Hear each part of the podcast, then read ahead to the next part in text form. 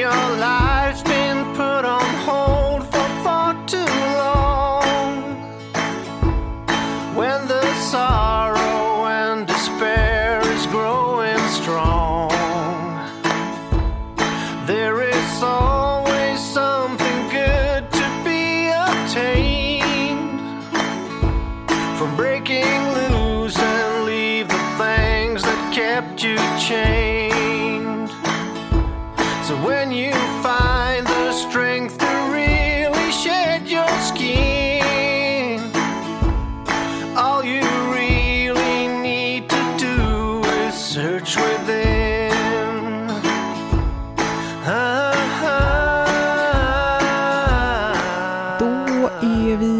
Tillbaka igen eh, och det är dags för ett nytt avsnitt av Bortom ekorrhjulet. Och idag så har vi en liten specialgäst eh, som faktiskt är gäst hos mig också i verkligheten, kan man säga. Eh, här på Gotland, där jag är nu på semester. Anna Kleinviks Magnusson med familj här och besöker mig och min familj nu. Välkommen Anna. Tack så mycket. Eh, och eh, anledningen till att eh, jag vill att du skulle vara med i podden är ju inte bara för att du är en väldigt härlig och eh, rolig och eh, smart och fantastisk människa på alla sätt och vis, men också att du är, eh, du är en entreprenör och du är också väldigt mycket, kanske det man kan tänka på som motsatsen till att leva bortom ekorrhjulet, fast du känns ändå som att du är väldigt så här, nöjd och harmonisk och trivs jättebra med ditt liv. Eh, Så bland annat det tänkte jag att vi skulle kanske grotta ner oss lite i här i dagens avsnitt. I vanlig ordning så får du presentera dig själv lite så att eh, alla får lite bättre koll på dig. Ja, men vad trevligt. Då ska jag försöka sammanfatta mig själv lite kort. Ehm, jag är väl, jag brukar säga att jag är copywriter från början, men jag vet inte om jag är det längre. Det var så det började i alla fall när jag startade Stockholms skrivbyrå, som är en eh, eh, nätverksbyrå med eh, jättemånga frilansande skribenter i nätverket. Och vi eh, skriver texter av olika slag, mycket digitalt, liksom sökmotoroptimering och UX och sånt. Men vi undervisar också ganska mycket i just att skriva och i digital kommunikation. Och det här eh, lilla företaget eh, liksom utvecklades så att för några år sedan så eh, fick vi in ganska mycket förfrågningar om att hjälpa till eh, med att hitta duktiga kommunikatörer till olika typer av eh, marknadsavdelningar, kommunikationsavdelningar och byråer. Och det gjorde att jag startade Knack Rekrytering som då är ett systerbolag eh, till skrivbyrån. Så att jag har två företag nu och eh, faktiskt två nya små affärsidéer som har kommit upp här under coronatiden som är liksom på gång. Så det är väl så att jag har ganska många, jag är nog mitt i ekorrhjulet även om det inte känns så för mig. Nej, men precis. Och det är det som, eh, som jag tycker känns väldigt intressant att höra lite mer om. Hur liksom Ja, men hur det kommer sig att du har liksom valt det upplägget för ditt liv och att, att det verkar funka så bra för dig. Så att vi har ju umgåtts en, en hel del eh, nu de senaste åren, eh, sen vi lärde känna varandra. Och alltså, om jag är så här som vill lämna stan och flytta ut på landet så är du liksom egentligen precis tvärtom. Att så här, det är typ din mardröm att bo på en, en enslig gård på landet. Liksom. Jag vet också att vi har pratat om flera gånger att så här, för dig är liksom trygghet är så här, när du ligger och ser eh, billjus så här, mot taket liksom, och hör så här, trafiken utanför, Mm. så att det, att det är liksom din barndom och sådär. Och för mig är det då mer typ en så här, stig i skogen och talllukt. Vad är liksom dina framgångsfaktorer för att kunna leva det här, så här mer kanske man säger så här, mitt i ekorrhjulet och ändå vara harmonisk och ha någon form av hållbart liv? Ja, men dels så tror jag att det här med att jag är, liksom, känner mig trygg i staden och med mycket människor omkring mig, det har såklart med min uppväxt att göra och också att jag älskar omväxling och jag älskar att vara... Egentligen skulle jag vilja bo i en större stad än Stockholm och jag skulle vilja bo mitt i den, liksom, för att jag älskar ljud och lukter och människor och att det är livligt och att vad som helst kan hända. Men jag tycker också jättemycket om att vara eh, på landet i korta perioder. Men om jag alltid skulle behöva vara där så skulle jag förmodligen få lappsjuka efter ett par dagar om jag visste att det var för alltid. Men jag tror också att eh, det här med att jag har så mycket att göra just nu är jag vet att det är en period, därför att anledningen till att jag blev egen egentligen från början var att jag ville ha frihet. För att frihet är liksom min viktigaste grej i livet. Jag måste få veta att jag kan gå när jag vill.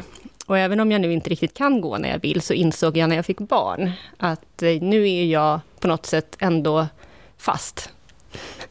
De måste gå till dagis och de måste gå till skola ganska många år framöver. Och eh, innan de kom så reste jag jättemycket och var liksom alltid på väg någonstans. Och eh, när jag då insåg att nu ska inte jag vara på väg någonstans längre, nu ska jag vara lite stilla ett tag. Då kändes det helt perfekt att eh, liksom gå in i att ha mycket att göra och komma på nya idéer och starta företag och eh, liksom göra bra och roliga saker med många andra människor inblandade. Men min långsiktiga plan är att eh, jag ska fortsätta vara fri. Så att jag har liksom en tanke om att jag bygger de här företagen för att på sikt kunna jobba helt eh, där jag vill och när jag vill. Så att jag kan få skaffa den där lägenheten i Rom och eh, vara lite där och lite i Stockholm och lite på landet, eller hur det nu blir. Jag tror att det är... Jag tror nyckeln är att veta att jag har ett val. Att mm. inte någon annan bestämmer över mig hela tiden. Mm. Så det är liksom det som har varit din drivkraft, snarare än att eh, alltså så här, tillfredsställelsen i, av att skapa en, en business, liksom? Eller är det Ja, nej, businessen, alltså businessen har nog verkligen bara kommit, eh, det har bara blivit. Därför att för mig så har det nog varit så att jag har sett jag har hållit på med roliga saker, jag har hållit på med skrivande, jag har hållit på med att lära andra att skriva och jag har fått suttit och göra webbplatser och sånt som jag tycker är kul. Och då har liksom affärerna börjat trilla in och det ena har gett det andra och eh, jag har anställt fast det absolut inte var tanken från början. Och jag håller både skrivbyrån och Knack små för att mardrömmen är att ha jättemånga anställda. För det skulle plötsligt kväva mig, tror jag. Jag vill, liksom, jag vill hålla det luftigt, jag vill hålla det eh, under kontroll. Jag skulle aldrig vilja ta in liksom investerare eller någon annan som har lagt pengar på mig, för då plötsligt får jag krav från ett annat håll. Mm. Så jag tror att för mig är det väldigt viktigt att veta att jag har startat det här, jag har dragit igång det, eh, jag får göra som jag vill, eh, jag skulle kunna ge bort företagen och försvinna, eller jag kan fortsätta. Det är min egen vilja och lust som driver allting, faktiskt. Du jobbar ju ändå väldigt mycket. Det blir ju kanske inte riktigt att man blir helt fri, eftersom du har ju då ansvaret för de här företagen och du har ansvaret för dem, även om du inte vill anställa många, så har du ju medarbetare anställda och så. Och det är väl just det som då ändå skulle kunna uppfattas som menar, att man då blir lite ofri och, och är ändå så lite fast i ett ekorrhjul. Liksom. Mm. Känner du liksom aldrig så? Vad skulle vara så ekorrhjulet för dig? Nej men alltså jag, nej, jag känner mig ju... När du säger så här så förstår jag ju att jag är ett ekorrhjul, men som sagt, det känns inte så. och jag tror också att det är för att...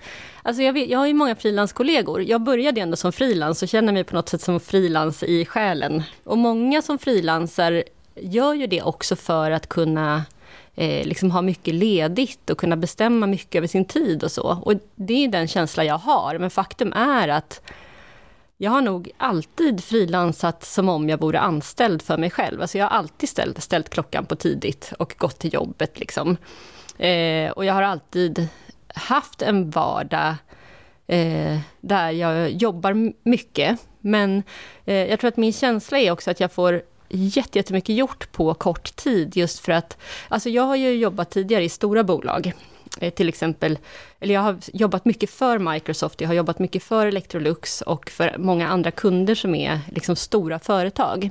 När du var anställd då? Ja, både som anställd och frilans. Att då jobba i sitt eget pyttelilla bolag gör ju att min känsla är ju alltid att jag kan bestämma saker snabbt. Vi kan agera snabbt, vi kan få en idé imorgon och eh, liksom släppa en ny, eh, ett nytt företag om ett par veckor bara. Så det kan gå så himla fort.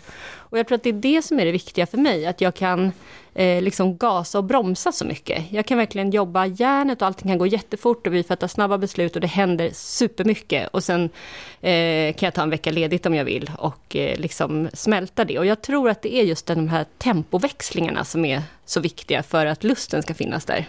Mm. Och kanske också det här med att, att du ju då jobbar för dig själv hela tiden. Alltså det kan jag tänka mig ändå är en sån, liksom, att det är liksom mer värt det, att, att offra saker också, för man vet att man gör det, du är din egen chef och du gör mm. det för dig själv. Liksom. Ja, alltså jag tror att det är en jättestor, eh, utan att eh, det, liksom, det har varit så tydligt så, så tror jag som du säger, det är ju en, en stor skillnad i känslan att eh, jobba på, kanske inte alltid med jättehög lön, alltså det har inte jag haft eh, liksom genom alla de här åren, men någonstans har det funnits en eh, ett, kanske ett hopp om att man gör bra grejer och att företagen kan bli värda någonting i framtiden och att det liksom kan ge klirr i kassan på sikt. Och även om inte det är den största moroten så känns det alltid mer motiverande att jobba när man bygger något för sig själv och när man känner att man bygger. Alltså jag är ju så nära mina anställda, så vi bygger tillsammans liksom, och, och jobbar tillsammans så mycket och det ger väldigt mycket kraft. Jag tror att det som skulle kunna ta lusten ifrån mig är just om det, kommer, om det skulle komma in andra människor och ställa krav på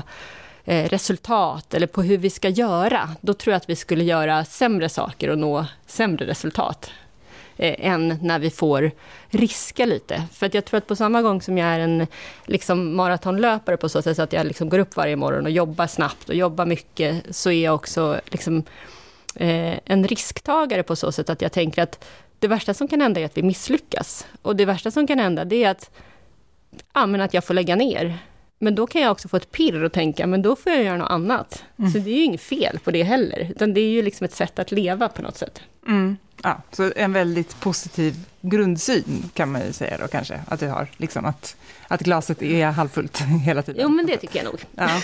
ja, ja. Det pratade vi om igår också, mm. att, att, du har nog fått det från din pappa då kanske, för du mm. beskrev ju att, eh, att han alltid har varit så, och att du gav honom ett, eh, en symbolisk present i 70-årspresent, eller en, en mm. symbol, symboliskt, ett glas, ett loppisglas, eh, som en symbol för det. Liksom. Och det ja, Ja men precis, Nej, men det där har jag nog fått med mig hemifrån, liksom, både från mamma och pappa. Att, eh, dels att, eh, eh men att man, gör man sitt bästa så blir det bra på något sätt och värnar man sina goda relationer så blir det bra. Och om det inte blir bra så löser det sig och då blir det bra på något annat sätt. Liksom.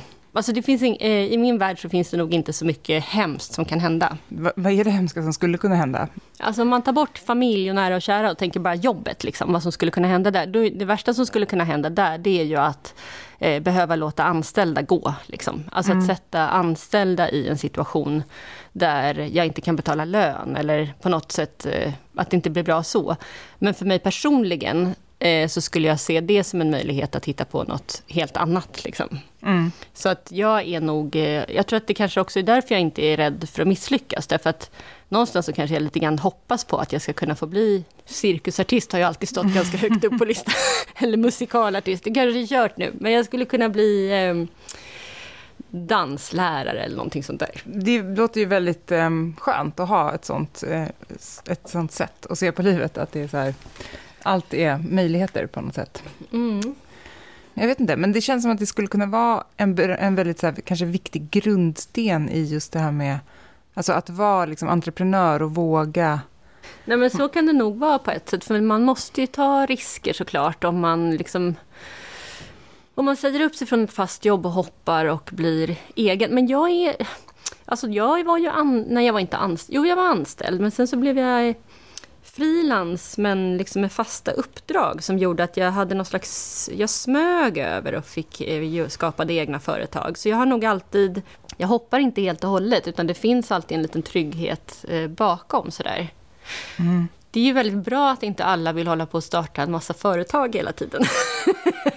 Ja, men precis. Det vore ganska opraktiskt. Kanske. Ja, men verkligen. Det skulle inte heller bli så hållbart. Men jag mm. tänker att det kanske är en framtid. Alltså jag, jag, tror att vi i framtiden mer och mer kommer att ha dubbla yrken. Man kan ha ett eh, jobb som är lite brödföda. Eller det tycker jag man ser redan nu. Jag jobbar ju mycket med också att eh, liksom inte coacha kanske, men ge tips och utbilda egenföretagare i hur de marknadsför sig. Och där är ju ofta så att alltså många sitter ju med drömmar om att starta mikrobryggeri eller en eh, e-handel eller eh, jag vet inte, få måla mer eller så. Och om man startar en digital plats i form av en blogg eller en, bara en plats där man finns som man kan börja puffa lite för så kan ju ibland de där drömmarna faktiskt bli, gå i uppfyllelse och kanske kan ge en eh, liksom en liten inkomst. Ah, jag vet inte, att man i alla fall ger sig själv lite tid för att sakta, sakta liksom växla över till någonting som man tycker mer om att göra. Och då behöver inte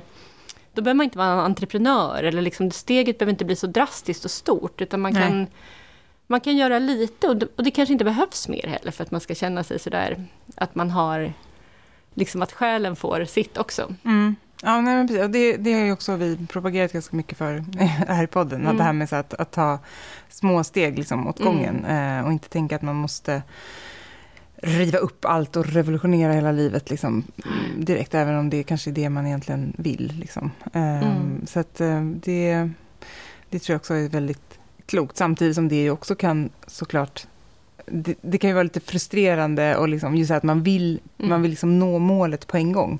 Så det gäller ju att man ändå kan ha lite så här tålamod och tillförsikt.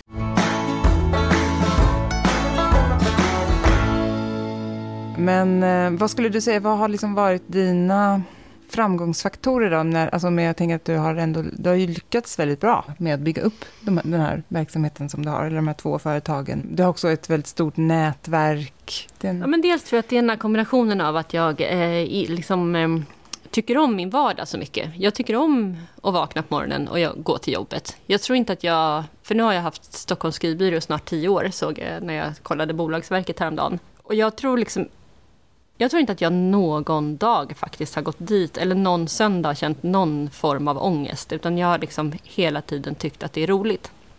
Och det tror jag beror på att jag tycker om min vardag, men också att jag utvärderar eh, min vardag väldigt ofta. Jag har eh, stora blanka block och färgpennor som jag väldigt ofta tar fram och, och så liksom tänker jag igenom olika delar av mitt liv där företagen ingår och familjen och mina egna drömmar och kanske träning och allt sånt här. Och så skriver jag liksom små mållistor och de behöver inte vara så stora utan de uppdateras så pass ofta så det kan röra sig om närmaste månaden eller så. Alltså lite som att göra listor på olika plan. Och det tycker jag gör också att jag på något sätt hela tiden stämmer av min egen känsla. Är jag, trivs jag där jag är just nu? Är det någonting som skaver? Jag letar efter skavet.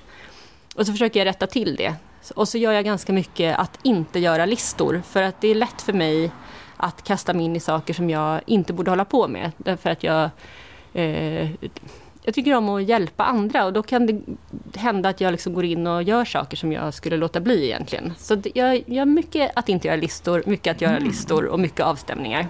Men sen tror jag också att det beror på att jag faktiskt har hittat helt rätt. Alltså jag får omväxling, jag får träffa mycket människor, jag får skriva Eh, jag får eh, göra affärer som eh, funkar bra med min... Jag är inte så tävlingsinriktad när det gäller så lekar och sport och så, men jag har liksom en...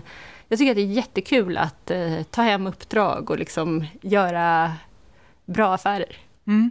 Ja, det och låter också som en väldigt bra egenskap ja. om man ska jobba med det. Ja. ja. Men det är ju väldigt intressant det här med att göra inte, vad sa du, inte att, göra, att inte göra listor. Ja, ja. Det var en ny grej faktiskt, det visste jag inte. Uh, men uh, ja, det är faktiskt en, en bra tanke. Ju. Men för jag har ju ofta ont om tid. Ja. Och då är det bra att se, vad är det min tid läcker någonstans?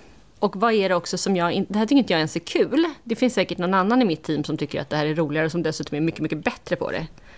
Så det borde jag lägga över då på någon annan. Och i det här så ser jag också, då får man ju andra att växa. Alltså om jag eh, slutar göra vissa saker så måste någon annan göra det. Och det är ju också en viktig del av att driva företag. Att eh, få andra att trivas så att de också känner att de får utvecklas lika mycket som jag får. Mm. Så jag tänker att man kan byta roller med varandra ibland. Eh, och att man inte sitter fast på en roll utan att man kan ha avstämningar? Är det något som du tycker är tråkigt, som du skulle vilja att någon annan gör? Är det någonting som du skulle vilja göra mer av? Och så kan man lägga ett pussel där alla på något sätt hela tiden känner att de får stimulans och utveckling. Uppfyller du de här listorna liksom alltid, eller? Mm. Jag brukar titta tillbaka. Oftast när jag öppnar det där blanka blocket så brukar jag bläddra lite i det också. Och då kan jag ju se att det går framåt faktiskt. Vissa saker glömmer jag bort och, och vissa saker kanske inte känns viktiga längre. Alltså de kanske bara har löst sig av sig själva. Jag tycker oftast det är så att när man formulerar någonting som man vill eller inte vill så liksom justerar man siktet lite och utan att man precis tänker på det så hamnar man där till sist. Vi kan ju också kanske prata lite om det här med att sadla om eller byta spår, vilket ju är en, en ganska stor så här, gemensam nämnare för många ja, som vill bort från ekorrhjulet mm. helt enkelt. Att på olika sätt så brukar det ingå. Liksom. Eh, då, eftersom jag också har lite grann numera som yrke att eh, jobba med rekrytering och matchning så träffar jag väldigt många människor som just är i läget att de skulle vilja förändra någonting. Och ofta så tror jag att när man vill förändra någonting så här drastiskt så tror jag att det är därför att man har missat sina egna signaler och eh, siktat lite åt fel håll. Liksom. Så jag tror att det är superviktigt att vara uppmärksam på när man trivs, när man känner sig glad, när man känner att man är bra på någonting, när man får flow och liksom när det flyter. För att kan man analysera sig själv och eh, hitta de här ljusglimtarna och försöka eh, pussla ihop det till någonting som faktiskt är då kanske ett yrke eller som är en möjlighet att eh, snabbt eller långsamt styra om så blir ju det förhoppningsvis då lyckat i efterhand. Men man måste såklart våga lite. Och då kanske man får våga så mycket som man kan våga. Det har ju oftast med ekonomi och sånt att göra. Mm, ja, precis. Och det är såklart en jätteviktig faktor. Liksom. Mm. man måste ja, hitta fungerande lösningar ja. rent ekonomiskt också. Men då är väl just det här mm, ja, men med att ta små steg och liksom börja testa på någonting lite kanske så här vid sidan av på kvällstid. Mm. Alltså så här, jag vet inte, men som du sa, att starta någon slags digital plattform för någonting. Och liksom, ja, men verkligen. Um, då behöver man inte riskera så mycket. Eh, man kanske måste också vara beredd att offra lite för att göra den här förändringen. För det kan ju också vara så att man är ett fast i ett ekorrhjul där det inte finns någon utveckling längre. Och det är det som är det tråkiga. Och eh, man kanske inte får chans till utveckling därför att man inte lägger kraft och energi på rätt saker. Och nu tänker jag i vår superdigitaliserade värld så är det ju ganska många som halkar efter för att man inte har liksom de senaste kunskaperna inom vissa områden. Så där är ju också väldigt bra att liksom prata med andra som är där man skulle vilja vara för att höra lite mer om det eh, innan man siktar ditåt. För att tänk om det inte är så himla kul som det verkar. Så dels är intervjua folk, eh, kolla upp vad man behöver, om man behöver lära sig något nytt eller lära sig något mer eller eh, slå sig ihop med någon som har kunskaper som matchar ens egna och sen eh, eh, liksom eh, jobba åt det hållet och göra sig själv liksom attraktiv och kanske börja prata om sig själv eh, som det kommer bli i framtiden. Alltså att man istället för att prata så mycket bakåt när man presenterar sig till exempel så kan man ju prata om vad man tänker göra framåt. För så fort man börjar berätta för människor i ens omgivning vad man är på väg och vad man vill göra så får man ju hjälp. Ja, men det tror jag är ett jättebra... Mm. Det är lite mer så magiskt tänkande, typ. Eller mm. att man, liksom, man sätter sig själv i den positionen där man vill vara. Mm. Det, och det känns ju väldigt banalt på ett sätt, men det känns också som att det verkligen funkar. För det, ja. det tycker jag själv att jag har liksom erfarit genom livet, att de gångerna jag har vågat verkligen sätta sådana mål, eh, så då brukar man faktiskt uppnå dem. Ja. Vilket är, det är ganska konstigt, men det är väl säkert någonting med så här, att då hamnar hjärnan i det spåret på något sätt. Och plus då att, att det blir att folk runt omkring också så här, tänker på en som, ja, som det man vill vara. Ja, men liksom. verkligen. Och jag tror också när man har egna, man har egna nyckelord, liksom, som man passar på att säga ibland. Ibland kan jag känna att jag säger saker vid jättemärkliga tillfällen, där jag verkligen inte förstår eh, varför jag sa det. Och eh, så, jag har ju liksom Italien och hästar är ju här drömställen för mig. Och sånt kan jag säga till folk ibland som jag träffar som jag inte eh, känner och inte borde prata med det om. Mm. Men ofta så kan det då ge någonting. Mm. Så att jag får mer av mm. de här mm. härligheterna i mitt liv. Just det, att någon bara, just det, men jag har ju en häst som jag inte har tid med. Du kan få ta hand om det. Den står i Rom. Du kan...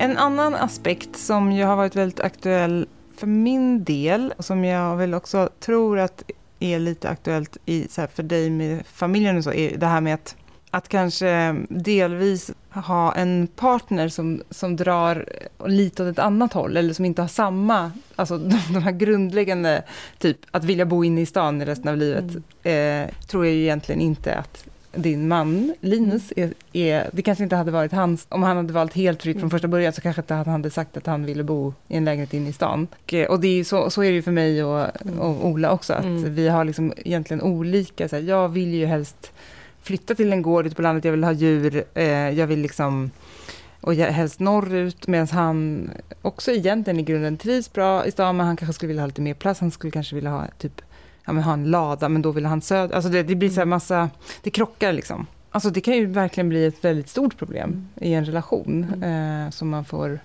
brottas med. Och då eh, tycker jag att det vore intressant att höra lite så hur ni, för nu känns det ändå som att ni har hittat bra lösningar på det där. Liksom, hur har ni Ja, har ni nått dit och hur Mm. ser det ut för er? Liksom? Ja, precis. Nej, men vi bor ju då så här, super mitt i stan, vid Slussen. Eh, vilket eh, jag tror då, eller tror, jag vet att min man tyckte att det var jättejobbigt när vi hade småbarn och det var trångt i hallen och det var barnvagn och eh, alltså när barnen var små så var det en tråkig tid. Nu känns det som att han har eh, förlikat sig med tanken på att det är där vi bor och han trivs med det. Och jag skulle aldrig vilja flytta därifrån. Men så har vi också ett landställe där han är mer än jag, vilket jag också tycker hör ihop med eh, det här att kunna Alltså att skapa sig ett eget liv som man tycker om, men också låta sin partner skapa det liv som han då tycker om. Där han är, gärna är mycket på landet och håller på och bygger och fixar. Eh, och att vi ger varandra den friheten, att jag kan vara i stan, han kan vara på landet. Eh, vi behöver inte alltid sitta ihop, utan det har ganska mycket med när vi har jobb att göra, för han är också frilans och filmar. Så att när han har mycket att göra så måste han kanske vara i stan, men när han har mindre att göra så kan han just hamra och fixa i ladan. Mm. Men sen tror jag att vi har också det gemensamma intresset att eh, liksom röra på oss. Eh, så det är ju sånt som man, eller där tror jag att vi eh, också har ett kitt, liksom att vi kan drömma om när vi kuskar runt i någon ja, ombyggd bil eller någonting. Sen när barnen har flugit ut och att det finns, eh, ja, men jag tror också att man slipar ner varandra. Mm. Ja. Alltså det är ju något slags nötande man håller på med. Och är det värt att hålla på så formar man sig till sist efter varann. Eller så går det inte mer och då får man väl sära på sig. Ja, Men i vårt fall så tror jag att vi slipar rätt bra, har alltid gjort. Liksom. Vi började med att slipa på varandra. Vi har bråkat så himla mycket om och tjafsat om olika saker. Men det är också Eh, det finns ju en tjusning även i det, för då får man ju också omväxling. Precis, det blir dynamiskt. Ja. liksom. Ja, ja, men för där är det är ju faktiskt, eh, tror jag också mm, stämmer väldigt bra, att man, eh, ja, som säger, man får nöta ner liksom eh, varandras motstånd, Mm. fast ändå i någon, någon slags, så här, på ett konstruktivt sätt ändå, eller så här, att det är ändå i grunden så måste man ju vara man måste ju vara vänner liksom, och vilja varandra väl. Och eh, alltså, ja, som du säger, att man ändå låter varandra växa på olika, eller liksom blomma ut på olika sätt. Eh, även om man inte... För det är svårt kanske att ha, vara två personer som, som båda fullt ut kan här, leva ut sina drömmar. Eh, om man inte har exakt samma drömmar från början. Alltså, då blir det, klart, då måste man kompromissa. Liksom. Ja men verkligen. Jag tror att det är superviktigt att det där sker med respekt och att det finns en balans i att, att man har någon slags eh, samförstånd i att nu har ju du fått göra mycket av det här roliga, då får jag göra mycket Mm. Av det här roliga. Liksom. Så att det finns, det får, om det där blir en ojämn vikt, då går det ju inte. Nej. För då är det ju någon som hela tiden känner att den uppoffrar sig. Men eh, ja, Mm. och därför så tror jag att det är otroligt viktigt att vara lyhörd för vad den andra Alltså att den andra också har möjlighet att eh, formulera sin lust och sina drömmar för Mm. det som känns viktigt. Liksom. Mm. Och det förändras ju också. Man kan ju också fastna i en dröm. Mm. Ja, precis. Alltså där man tänker att jag alltid velat göra det här och det här och det här. Och sen kan man känna att den liksom, lusten ditåt eh, svalnar. Det är inte... Ja, man blir lite äldre liksom och omvärderar saker. ja, Det absolut. kan ju vara en sorg. Ja, precis. Att och släppa det. Ja, precis. Och Mm. det kan kännas lite tomt. För då är det Mm. så här, aha men gud, det var ju det här. Det är det som jag alltid har jobbat mot, som har varit Mm. den här stora målbilden på något sätt. Och sen om det- då det helt plötsligt omvärderas, och man känner Mm. att nej, då kan det bli då kan det ju verkligen bli en kris. Mm. Liksom. Eh, men då förhoppningsvis så hittar man väl något annat då, innan man Ja, har krisat precis. ihop totalt. Ja, Liksom. men för det känns ju som att det är många som eh, kanske just så här efter småbarnsår och mycket jobb känner att det här vill jag inte göra mer. Är- Det måste vara roligare än så här, Mm. men jag vet inte vad jag vill. Det är ju jättejobbigt. Mm. Då får, men då tror jag att det är ännu viktigare att just eh, försöka vara uppmärksam på de här små skiftningarna i när man känner att åh, det här kändes lite kul. Mm. För, för när man eh, söker eh, den liksom lyckan och glädjen så eh, får, man, får man inspiration till mer, tänker jag. Det, Jag Mm. försöker göra det eh, jättemycket, alltså att jag väljer, eh, jag väljer glädje. Nej men alltså, att man väljer liksom, jag unnar mig saker och jag Mm. väljer att ta den finare vägen till jobbet. Eller jag väljer att eh, träffa någon för att jag vet att den här personen gör mig jätteglad. Eller Mm. Eh, jag väljer att jag belönar mig själv. Jag kanske börjar med att göra något lite tråkigt på jobbet för att sen få skriva en text som jag vet att jag kommer tycka att det är jättekul att skriva den här texten. Så att man Mm. liksom kan fösa sig själv framåt med de här små glädjeämnena. Mm. Ja, det mm, låter ju också som ett väldigt bra så här, konkret tips Mm. faktiskt, som Mm. man kan tänka på kanske.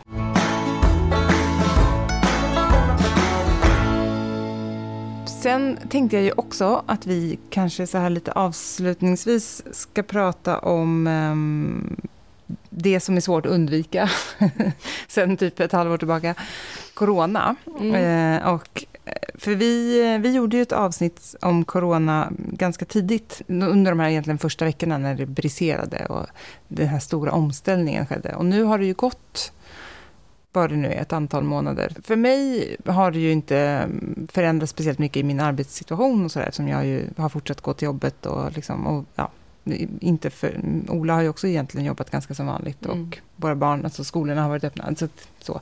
Men, men du är ju ändå, lever lite mer så här, i den här coronaverkligheten eh, som egenföretagare. Eh, och hur skulle du säga att det har påverkat dig? Och har det blivit så som du, kan, som du tänkte att eller trodde och var rädd för att det skulle bli? Eller liksom? I början när corona kom, det är ju hemskt, men jag går ju liksom igång på krissituationer. Så att jag kände ju det här pirret då, att nu händer det äntligen någonting. Nu händer det något som bryter av och som gör att vi måste så här, eh, tänka till och agera. Och eh, ja, när det börjar gunga liksom, så tycker jag att det är spännande. Men sen insåg jag ju ganska snabbt att det, var det här var ingen rolig kris. Eller så här, jag det hemska är ju att människor har blivit sjuka och eh, många har förlorat eh, sina eh, liksom, nära och kära. Men när det gäller själva arbetslivet så ser jag ändå ganska positivt på den här typen av kris. Därför att jag tror att det har fört med sig många bra saker som att eh, Eh, man måste omvärdera liksom vad som verkligen är värdefullt. Eh, ska vi ens finnas? Eh, hur ska vi jobba framöver? Vad, jag tycker att det är jättekult att så många människor kan sitta hemifrån och arbeta nu. Jag hoppas och tror att vi kommer få en bättre balans mellan liksom jobbliv och privatliv i och med att vi förmodligen, jag tror att många kommer att kunna jobba mer hemifrån framöver och jag tror att många trivs med det. Och på samma gång så har vi fått känna av hur mycket vi saknar våra kollegor och att vi tycker om varann och hur viktigt det är att få gå och hämta kaffe i köket liksom och ha möten. Vi har ju alla som jobbar hos mig nästan har jobbat hemifrån. Så att, men jag bor så nära mitt kontor så att jag har eh, låtsats som ingenting och gått till jobbet varje dag. och suttit nästan alla dagar ensam. Nej men jag har en kollega som gärna kommer också. Eh, men i övrigt så har jag varit eh, ganska mycket själv där. Och eh, det är ju ehm, också bra på något sätt att få en eh, liten eh, paus i det här med att springa på möten och ha mycket interna möten och liksom ha ett väldigt, väldigt högt tempo. För att även om vi har haft jättemycket att göra så har vi liksom, ehm, ja men det har varit mindre kontakt med andra människor. Och det har varit lite vilsamt tycker jag. Jag har liksom fått tid att tänka och tid att jobba undan och tid att skriva lite mer och eh, liksom hinna reflektera lite. Mm. Som har varit positivt, tycker jag. Mm. Däremot så hoppas jag nu att det ska dra igång ordentligt och bli lite mer som vanligt när vi kommer tillbaka till jobbet i augusti. För nu är det som en sån naturlig paus, det är Mm. sommar, liksom, semestertider och Mm. allting skulle ändå ligga ganska lågt. Mm. Så, men att det står och väger lite och man får se vad som händer nu när allting ska dra igång igen. Liksom. Vad, vad har du för prognos där? Hur, ser det, hur, hur tror du att det kommer Ja. att vara för dig? Jag tror att, alltså på Stockholms skrivbyrå har, har vi haft ganska mycket att göra hela tiden därför att jag tror att många av de större företagen har liksom ett fortsatt behov av att eh, göra om sina webbplatser, ta tag i projekt som har blivit liggande. Eh, liksom alla behöver bra text även i krissituationer. Eh, däremot när det gäller knackrekrytering så har det ju varit eh, liksom färre rekryteringar, mindre behov av att ta in konsulter och där eh, hoppas jag så, såklart att det ska dra igång nu eh, i höst. Men eh, det är ju väldigt svårt att säga. Jag har en känsla av att det kommer bli mer konsultlösningar och mindre rekrytering. Därför att man har nog fortfarande mycket att göra på många, i många verksamheter men man kanske inte kan rekrytera i det här läget förrän man vet mer om hur det utvecklas. Sen tror jag, jag pratar ju ganska mycket både med jättestora företag och eh, enmansföretagare med enskild firma. Liksom. Och eh, de största företagen, eh, där, där eh, är man såklart eh, kanske orolig för att eh, man kommer behöva minska personalstyrka och så framöver. Men det finns också, tror jag, någon slags förhoppning om att eh, man har skyndat på digitaliseringen och att eh, människor kommer att kunna jobba lite mer hemifrån och eh, eh, man kanske har blivit bättre. Jag tror många ledare har blivit bättre på att ha täta avstämningar och eh, ja, men man har liksom fått tänka till hur man gör saker på ett bra sätt tror jag. Sen är jag lite bekymrad då över många av de frilansar som jag har kontakt med som kanske redan innan corona kom har haft lite tunt med uppdrag. Och som då inte har möjlighet att få något eh, Eh, stöd från staten och som inte heller eh, ser liksom några uppdrag komma. Det, där kan jag tänka bara, åh, hoppas, hoppas att det kommer in så mycket som möjligt så att vi kan hjälpa till också, ge uppdrag till andra som behöver. Men min, min känsla är att det puttrar och att eh, det finns en sån vilja att komma igång och jobba. Så jag kan tänka mig att det, att liksom, att det kommer att komma igång lite i augusti, september. Och sen tror jag att det beror ganska mycket på hur allt utvecklas i världen, hur vi påverkas i våra små liksom, kommunikation och marknadsföring och rekryteringsbranscherna om man säger. Har du liksom någon så här mental... Har du rustat dig för om det blir det här tråkigare scenariot? Eh, alltså, eller eller är det att du tar det när det kommer? Liksom? Nej, men alltså jag, där tänker jag nog lite grann också, för där är min oro, jag känner mig inte orolig för mig personligen, för att jag kommer alltid kunna hitta på något liksom. Men jag är orolig för mina anställda i så fall. Eller orolig, jag är inte så orolig. Men jag tänker att om det är så att det inte drar igång, eh, då tror jag att vi kommer få hitta på andra saker. Och det tycker jag också kan kännas lite härligt. För jag har väldigt mycket bra människor i mina team och jag vet att vi eh, ganska snabbt kul- skulle kunna, alltså om det verkligen krisar så tror jag att vi skulle kunna starta vilken typ av verksamhet som helst egentligen. Något som behövs nu då i kris. Vi får väl Mm. ha Eh, coachning och samtalsterapi. Börja tillverka ansiktsmasker kanske.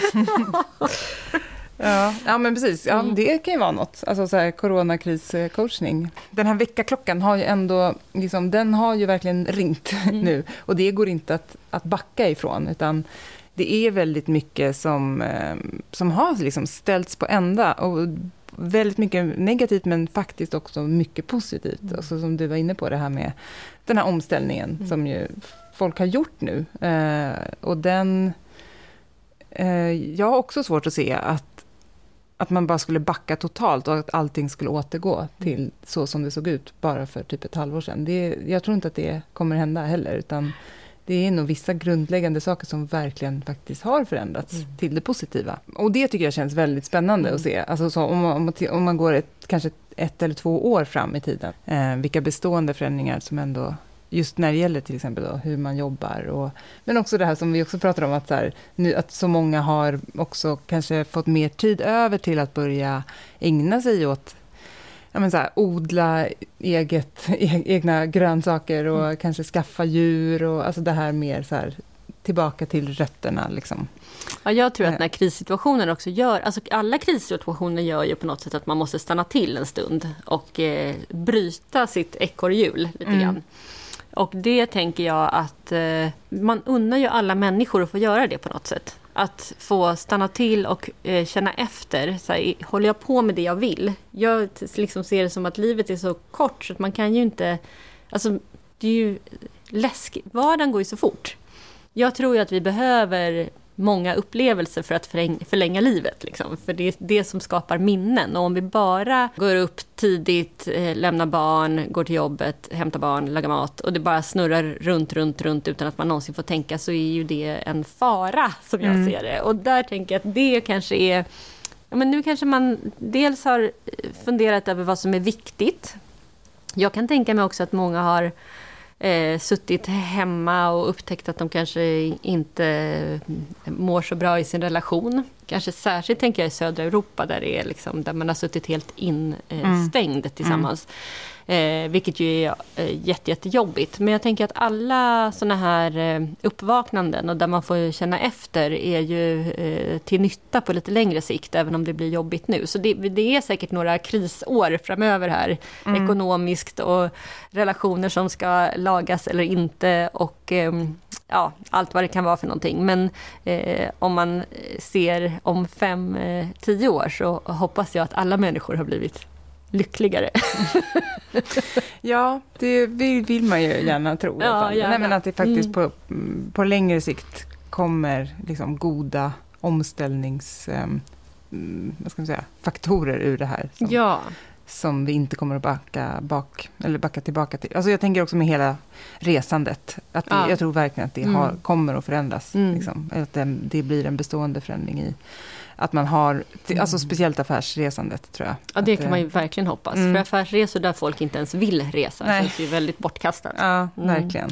Men kanske också att, att många liksom eh, kan tänka sig att skala ner. Alltså att man kanske inte behöver eh, jobba så hårt för att tjäna så mycket som man har råd med allt man har satt sig i. Utan att man kanske kan eh, liksom minska sina boendekostnader, eh, köpa lite mindre, odla lite mer, eh, jobba lite mindre så att fler kan få jobba lagom mycket mm. och må lite bättre. Det vore mm. ju drömmen på något sätt. Ja, precis. Ja, vi får mm. se. Mm. Ja, det ska bli väldigt spännande i alla fall. Ja, det ska bli väldigt mm. spännande. Jag tycker redan augusti ska bli spännande. Ja. Jag är väldigt nyfiken på om det kommer ringa i telefonen eller inte. Ja, det tror jag säkert att det kommer att göra. Men du, då tror jag att vi kanske rundar av. Ja. Ehm, det var jätte, jättekul att eh, få ha dig som poddgäst också. Inte bara semestergäst. Nej. Ja, det Tack var jätteroligt att få titta in här i din lilla poddstudio. Ja, min väldigt improviserade poddstudio ute i ladan i, i huset som vi hyr på Gotland. Mm. Eh, med en fullt utrustad bar och allt. Så vi sitter ju faktiskt här och dricker lite fredagsvin och eh, har det så mysigt så. Mm. Vi kanske bara stannar kvar helt enkelt. Så Jag kan tror det. männen och barnen få härja runt där inne i, i det andra huset. Det blir kalas. ja.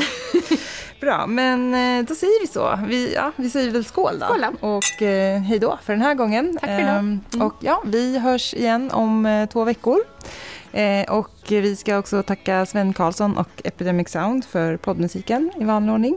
Eh, ja, men det glömde jag nästan en viktig sak vi måste säga. Var hittar man dig om man, vill, om man är nyfiken ja. på dina olika verksamheter? Man kan googla. man kan googla på Stockholms skrivbyrå och på Knack rekrytering. Ja, ja, precis. Och oss hittar ni på Bortom ekorrhjulet på Facebook och Instagram. Eh, och vi har ju också vår eminenta Facebookgrupp som heter Bortom ekorrhjulet närvarhur som man jättegärna får gå med i om man vill ja, dryfta olika saker som har med temat Bortom ekorrhjulet att göra. En växande grupp är det fortfarande, det är jättekul. Eh, ha det så bra allihopa. Eh, vi hörs snart igen. Hej då! Hej då! Hej då! So when you find the strength to really shed your skin